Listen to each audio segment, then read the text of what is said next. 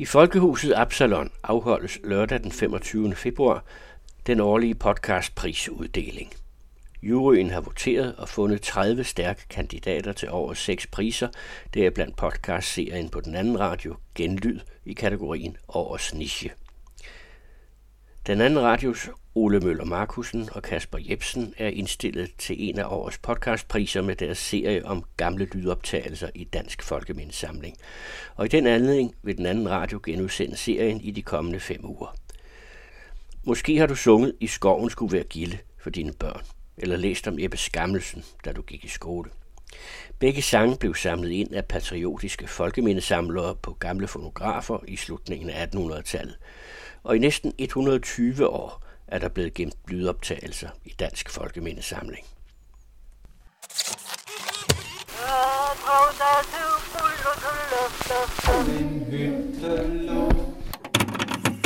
Jeg til aften i sommerdag.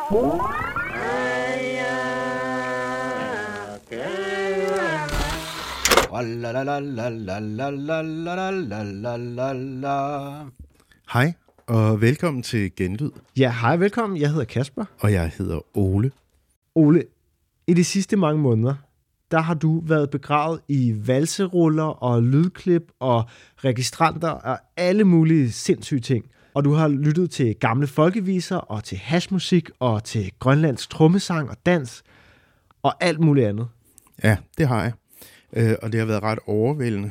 Jeg har faktisk været faret lidt vild i det, øh, for der er sindssygt meget spændende materiale i det her lydarkiv fra Dansk Folkemindesamling. Og for sådan nogen som os to, der jo interesserer os lidt for musik og kulturhistorie, så er det her jo en mega interessant samling. Den er jo på en eller anden måde hele Danmarks kollektive hukommelse. Forstået på den måde, at altså mange af de folkeviser, man lærer i skolen, de kommer herfra. Nogle af de folkeeventyr, man kender, de kommer herfra. Det er hele vores øh, nationale identitet. Ja, det er det, men, men der er også rigtig mange gode historier og interessante perspektiver gemt bag ved de her mange lydklip. Og nogle af dem, dem kommer vi så til at præsentere i de næste fem afsnit i den her lille podcast-serie. Og jamen, altså, du kan godt glæde dig til blandt andet at høre om en selvudnævnt kvindelig music hunter, lydklip fra de arabiske netter og homofile i 30'ernes provins Danmark. Så har vi selvfølgelig også en masse spændende gæster, der kan hjælpe os med at folde nogle af de her historier ud, imens vi lytter til en masse forskelligt fra det lydlige skatkammer. Men i det her afsnit, der, øh, der lægger vi lidt stille ud. Vi skal bare blive klogere på, hvad Dansk Folkemindesamling egentlig er for en størrelse, og det gør vi ved at præsentere dig for, ja, tre gamle mænd, tre af de tidligste folkemindesamlere, der hver især har været med til at forme Dansk Folkemindesamling. Men vi skal selvfølgelig også have nogle afstikkere til både Connecticut og Australien, fordi man ved jo aldrig, hvor man ender, når man går på øh, skattejagt i det her lydarkiv. Præcis. Men skal vi så ikke se at komme i gang? Og så vil jeg gerne spille et klip for dig, som øh, du sandsynligvis kender i forvejen.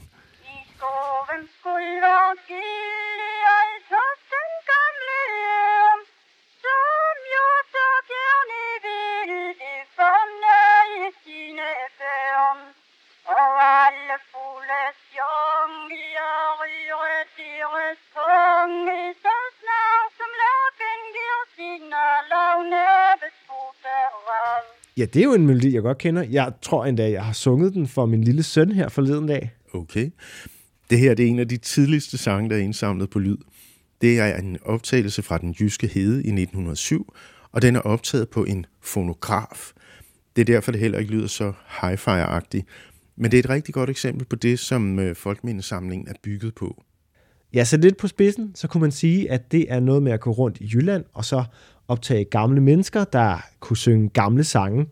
Og den her optagelse, den er lavet af den første af de gamle folkemindesamlere, du skal møde i dag. Han hedder Evald Sang Christensen, og i slutningen af 1800-tallet og starten af 1900-tallet, der rejste han rundt på den jyske hede og opsøgte alle de her gamle folkeviser og folkeminder. Og Evald Sang Christensen, ham kommer man altså bare ikke udenom, når vi taler dansk folkemindesamling. Fordi han var måske lidt øh, besat af det her erhverv. Ja, og nu skal du høre, hvad han selv siger på en af de gamle voksruller. Den opvoksende ungdom bliver stadig vendet til at se fremad og aldrig tilbage, Nu interesserer de sig ikke for, hvordan deres bedsteforældre levede og virkede. Og det er knap nok, de kender deres fulde navne, eller hvor de er født. Det er dog for mig en så vigtig sag, at vi kender noget til livet, som det førtes i gamle dage, og hvad tanke, der rørte sig hos vores forfædre, så vi også kan danne os en forestilling om, hvad rod vi er runden af. Det står for mig som noget vigtigt, at der bliver ved at være sammenhæng imellem den gamle tid og den nye tid, imellem forfædrene og efterkommerne. Imellem forfædrene og efterkommerne. Ja, jeg, jeg hører umiddelbart lidt en øh, mavesur gammel mand, der har set sig lidt galt på ungdommen. Ja, øh, jeg har talt med mange mennesker øh, i og omkring Folkemindesamlingen, og de siger, at øh, det var han også. Men han er altså også meget mere end det. Og til at fortælle om Evald Tang Christensen, der har vi fået fat i hende her. Jeg hedder Lene Halskov Hansen. Jeg er øh, folklorist, uddannet på Københavns Universitet på det, der dengang hed Institut for Nordisk Folkemindevidenskab. Lene Halskov, hun sidder på Dansk Folkemindesamling på det Kongelige Bibliotek, og hun har beskæftiget sig rigtig meget med Evald Tang Christensen og alt muligt andet. Og hun øh, er egentlig mest interesseret i, øh, hvorfor folk synger, hvordan de synger, og hvornår de synger, øh, hvem de er sammen med, og ligesom baggrunden og menneskene bag selve musikken og sangen. Og hun lagde altså ud med at fortælle os om den historiske baggrund for den her folkeminde indsamlingsidé. Man kan sige, at i 1800-tallet, så var der et ønske om at dokumentere gamle traditioner, der kunne vidne om et nationalt særpræg. Og så sker der det, at man finder øh, J.G. Herders øh, tanker frem fra øh, slutningen af 1700-tallet, hvor han i øvrigt er den første, der, der bruger det her begreb folkslied. Og det øh, fører i virkeligheden frem til en masse folke ting og sager op i 1800-tallet. Folkeskole, folkehøjskole, folkeviser, folkemusik osv. Øhm, og han sagde, at øh, verdenshistorien, det er folkeslagenes og nationernes historie. Det man gjorde var, at man tog ud på landet hos øh, de gamle, og så skulle man optegne det ældste af det, de kunne fortælle mundtligt. Og det var folkeviser, eventyr, savn, trosforestillinger og sådan noget i den retning. Og det var blandt andet sådan noget som I skoven skulle være gilde, som vi hørte før. Men det var også folkesavner, dagligliv og eventyr. Og et andet eksempel på det med eventyr, det var jo brødrene Grimm, som havde gang i indsamlingen af folkeeventyr i Tyskland. Ja, det var i det hele taget sådan en, en større europæisk bevægelse, det der ønske om at samle nationale særpræg. Og det hænger jo sjovt nok sammen med, at vi er lige omkring det tidspunkt, hvor selve idéerne om nationer og lande og folk, de opstår. Ja, det er sjovt, fordi det er sådan en integreret del af vores liv i dag, men på det her tidspunkt, der var de nationalstater og de landegrænser, som vi kender i dag, de har været relativt nye. Ja, altså det var også den periode, hvor man øh, lavede nationalsange og nationalmuseer, og man havde i det hele taget slet ikke de her institutioner, som vi kender i dag, og de symbolske markeringer, som vi forbinder med at være et land eller sådan en nationalstat. Så man har i virkeligheden skulle ud og finde sin nationale særpræg. Man skulle ud og skaffe den. Ja, og her kan Lene så introducere den næste af de gamle folkemindesamlere, som faktisk kom før Evil Tang Christensen. Han startede som ganske ung i København.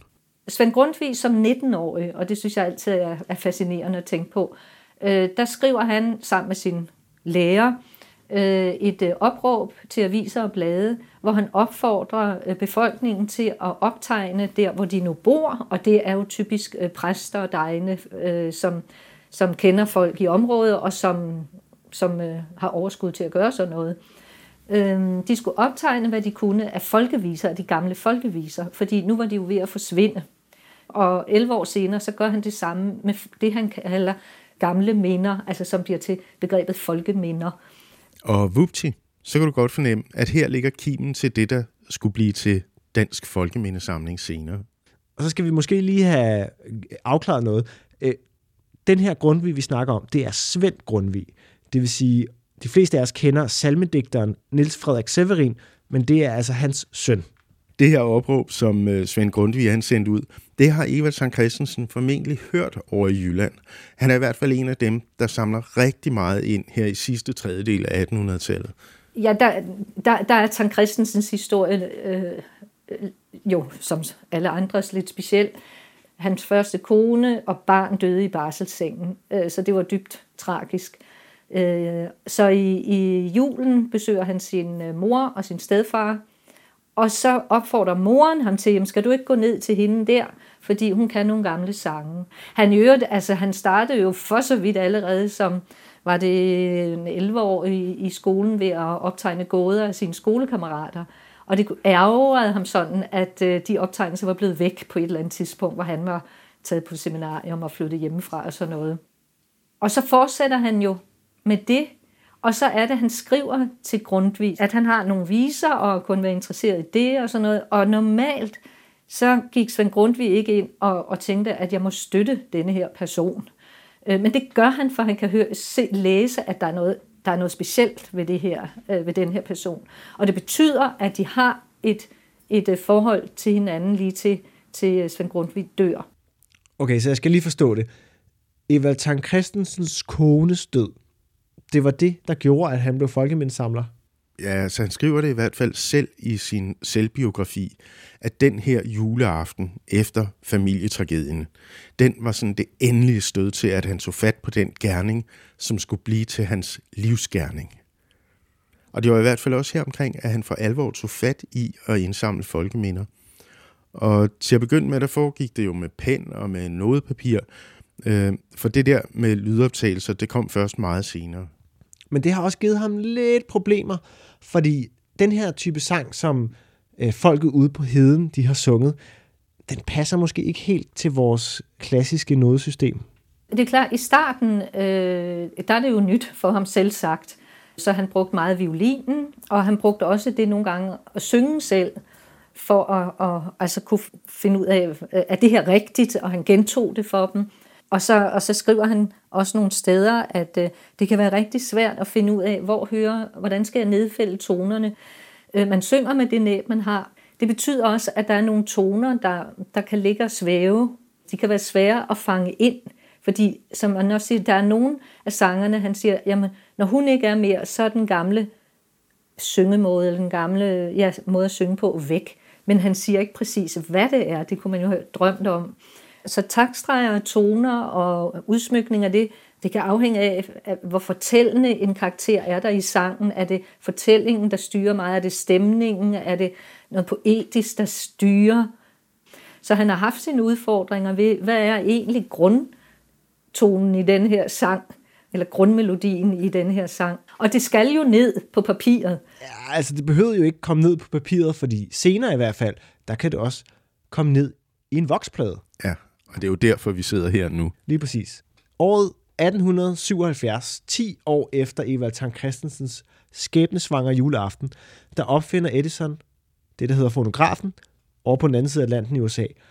Og øh, med den, så er det altså muligt at optage små melodier ned i voksplader. Og selvom Evald Tang Christensen han var meget skeptisk over for fonografen, så havde han alligevel en med på en af sine indsamlingsrejser i 1907 at Sankt Christen, han synes jo, det var, altså fotografen synes, han var en uting. Han stolede mere på sine egne optegnelser. Men, og tænkte, de bliver alt for nervøse. Men i sidste ende, så gav han sig. Øh, men, øh, men ideen var, at øh, så har vi melodien. Men, men har man så det, fordi så er det lige første vers, og hvordan er det lige at sætte sig og synge ned i en trakt, øh, som man aldrig har set før. Men øh, det var vist ikke så slemt, som det, de var øh, til synligheden ikke så nervøse, som, som han frygtede. Fedt mand. Så er vi tilbage på lydsporet.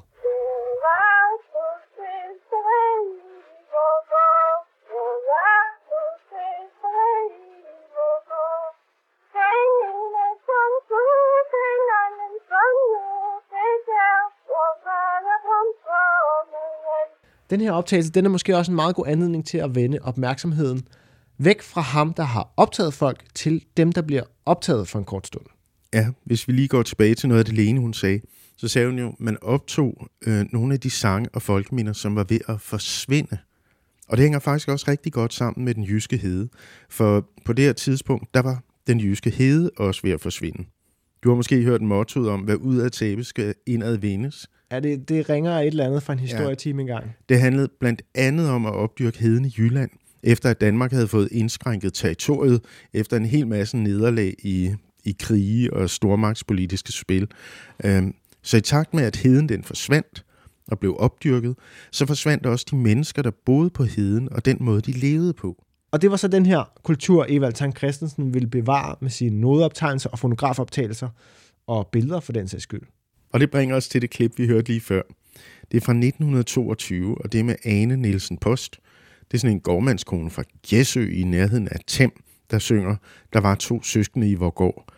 Det er en sang, som hun formodentlig har lært af sin bedstemor. Hvilket passer jo sindssygt fint med de her nationalromantiske idealer om at spørge de ældste om det ældste, de kan huske. Men gennem årene, der sker der altså noget med Evald Sankt Christensens billede af de her mennesker. Han er præget af, af den her nationalromantik, når han starter selvfølgelig. Det er tidens strømninger.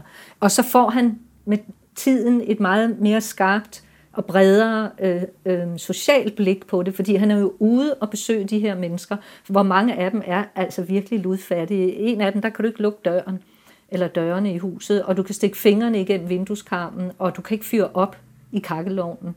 Øh, at det, det er bare et billede af, hvad, hvad det er øh, for et socialt lag, vi taler om, han har været ude og besøge.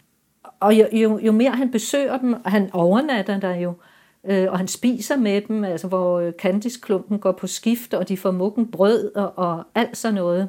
Og han sover i, øh, i sengen, for de rærer op i sengen til ham, og så sover øh, ægteparet selv på gulvet, og der er lus og lopper, og så videre.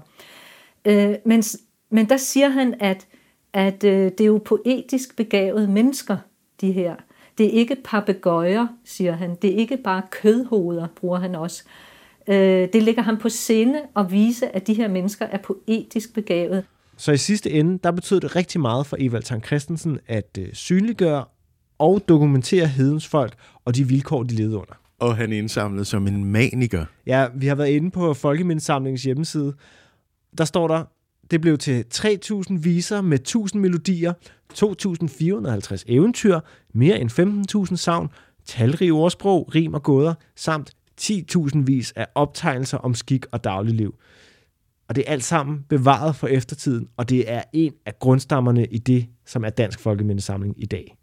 Og meget af det her, det fik han altså også trygt og udgivet, sådan så alle de her byboere over i København, for eksempel, kunne blive opmærksomme på hedekulturen. Der er jo lavet en bibliografi om, om ja, nu kan man ikke høre, hvor tyk den er, ved at jeg peger her, men øh, jeg kan ikke huske, hvor mange sider den er på. Den er, den er ret øh, overvældende. Og Evald Tang Christensens arbejde, det blev faktisk bemærket, også i udlandet. Og nu skal du altså høre den tredje af de her gamle folkemindesamlere, som vi har valgt at præsentere for dig i dag.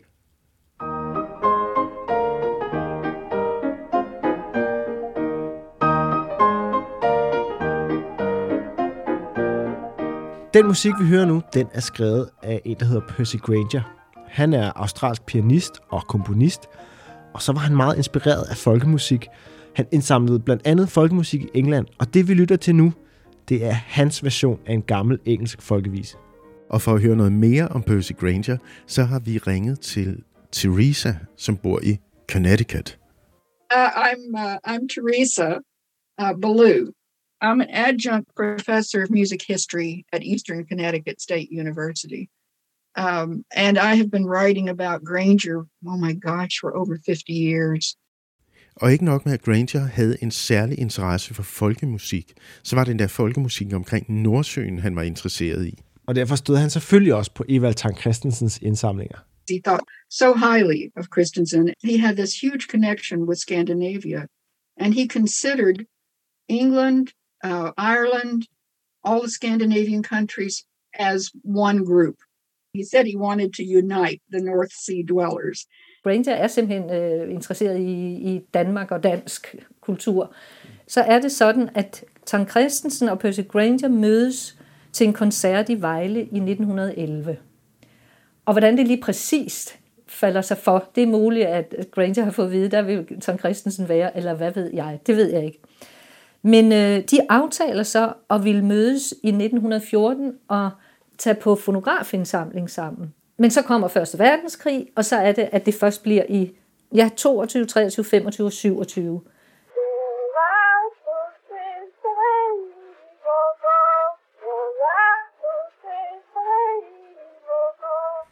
Og den her melodi, som vi allerede har lyttet til, den er faktisk optaget på Evald Sankt Christensen og Percy Grangers første tur sammen. Det er altså vildt at tænke på. Percy Granger, han har rendt rundt på heden i Herning. Altså, han har været en af tidens helt store, flamboyante, ekscentriske, ekstremt populære kunstnere. Altså, det vil jo nærmest svare til, at Prince, han var kommet til Danmark, og så været inde og indsamle musik hos øh, bakkesangerinderne eller sådan noget. Ja, men uh, Percy Grangers blik på de her folkemelodier, det er nok lidt anderledes end Evald Sankt Christensens sociale blik. Ja, det har du ret i, fordi Granger, han er jo stadig inspireret af de her nationalromantiske idealer, og han betragter folkemelodierne som et eller andet, noget særligt oprindeligt, som han så kunne bruge til at berige den fine musik, kunstmusikken. Granger was trying to do this thing, and I think probably Christensen was one of his models for that. because he wanted to bring the folk music of England, the country people, the peasants, he wanted to bring that into the art music sphere.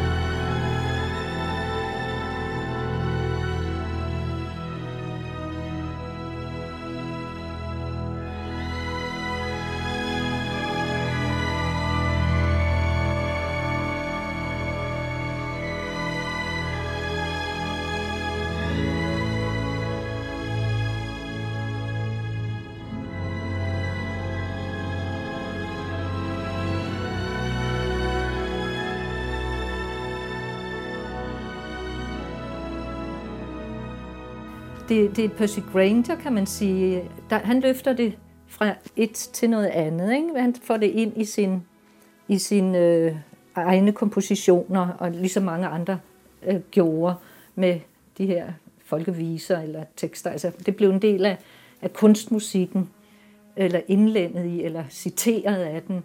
Men, øh, men Sankt Christensen, han, øh, han vil gerne... Øh, have, at det skulle fortsætte. Altså egentlig det, han siger, at der er en bro mellem det gamle og det nye. Altså sådan, at, at det følger med.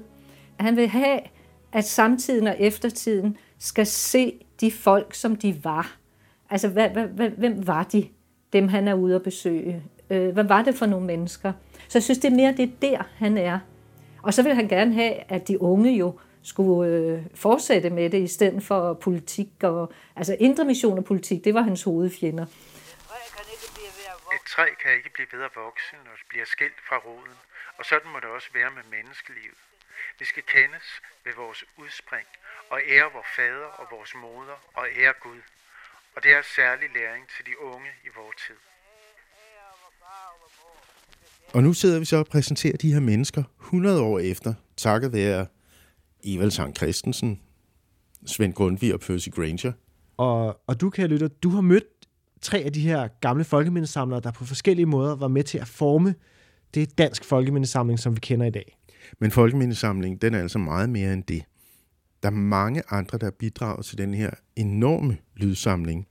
Og de har bidraget fra mange andre forskellige steder, også ud fra den store verden. Og i næste afsnit, der skal vi væk fra heden og helt til Grønland. For det var ikke kun i Jylland, øh, at de gamle KF'er her jagtede folkeminder. Der foregik også indsamling i resten af rigsfællesskabet. I dag der har vi kigget på hedens folk igennem Evald Tang Christensens og Percy Grangers øjne, eller måske skulle vi sige ører. Og i sidste ende, der har de jo egentlig været med til at forme vores billede af, hvem hedens folk var. Men hvad sker der så, når der er en kolonimagt, der er med til at forme det her billede? Det er det, vi skal høre om i næste afsnit, hvor vi skal med folkemindesamlingen til Arktis. Øh, det er også der, vi skal møde den her selvudnævnte kvindelige music hunter. Men øh, det var alt for dagens afsnit. Tusind tak til Lene Halskov fra Dansk Folkemindesamling og Teresa Baloo fra Eastern Connecticut State University. Og så høres vi ellers ved i næste afsnit af Genlyd.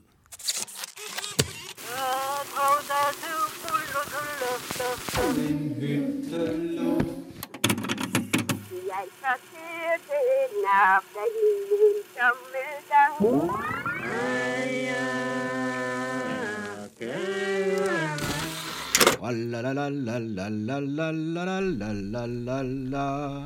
Det var musikforsker Kasper Jebsen og antropolog Ole Møller Markusen, der havde tilrettelagt serien Genlyd her på den anden radio. En stor tak til Statens Kunstfond, Åge og Johanne Louis Hansens Fond, Sonningfonden og Lisi og Mogens Stålfonden, som har støttet serien. Og husk, at du altid selv kan gå på skattejagt i Dansk Folkemindesamlings Lydarkiv på det Kongelige Bibliotek.